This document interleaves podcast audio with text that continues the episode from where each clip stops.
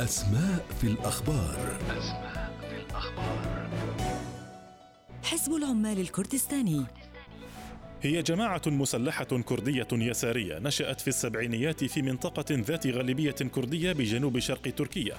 نشأت كحركة انفصالية بمزيج فكري بين القومية الكردية والثورية الاشتراكية تسعى لإقامة دولة كردستان. تأسست في العام 1978 على يد مجموعة من الطلاب بينهم عبد الله أوجلان الذي اختير رئيسا للحزب.